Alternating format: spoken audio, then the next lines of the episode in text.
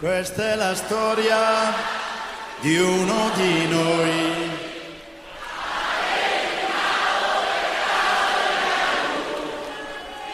Jevtusjenko, Simpson och Gary Sundgren. Häcken har slagit Helsingborg och AIK är nu bara sekunder från mästartecknet. Sundell tittar på klockan. Ja, där kommer nästan faktiskt 2-2.